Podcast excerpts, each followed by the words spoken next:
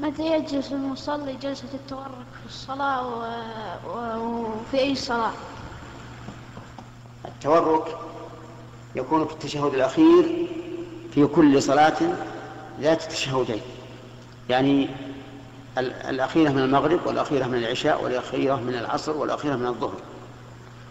أما الصلاة الثنائية كالفجر وكذلك الرواتب فإنه ليس فيها تورك.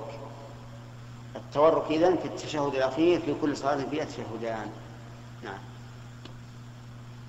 عرفتها؟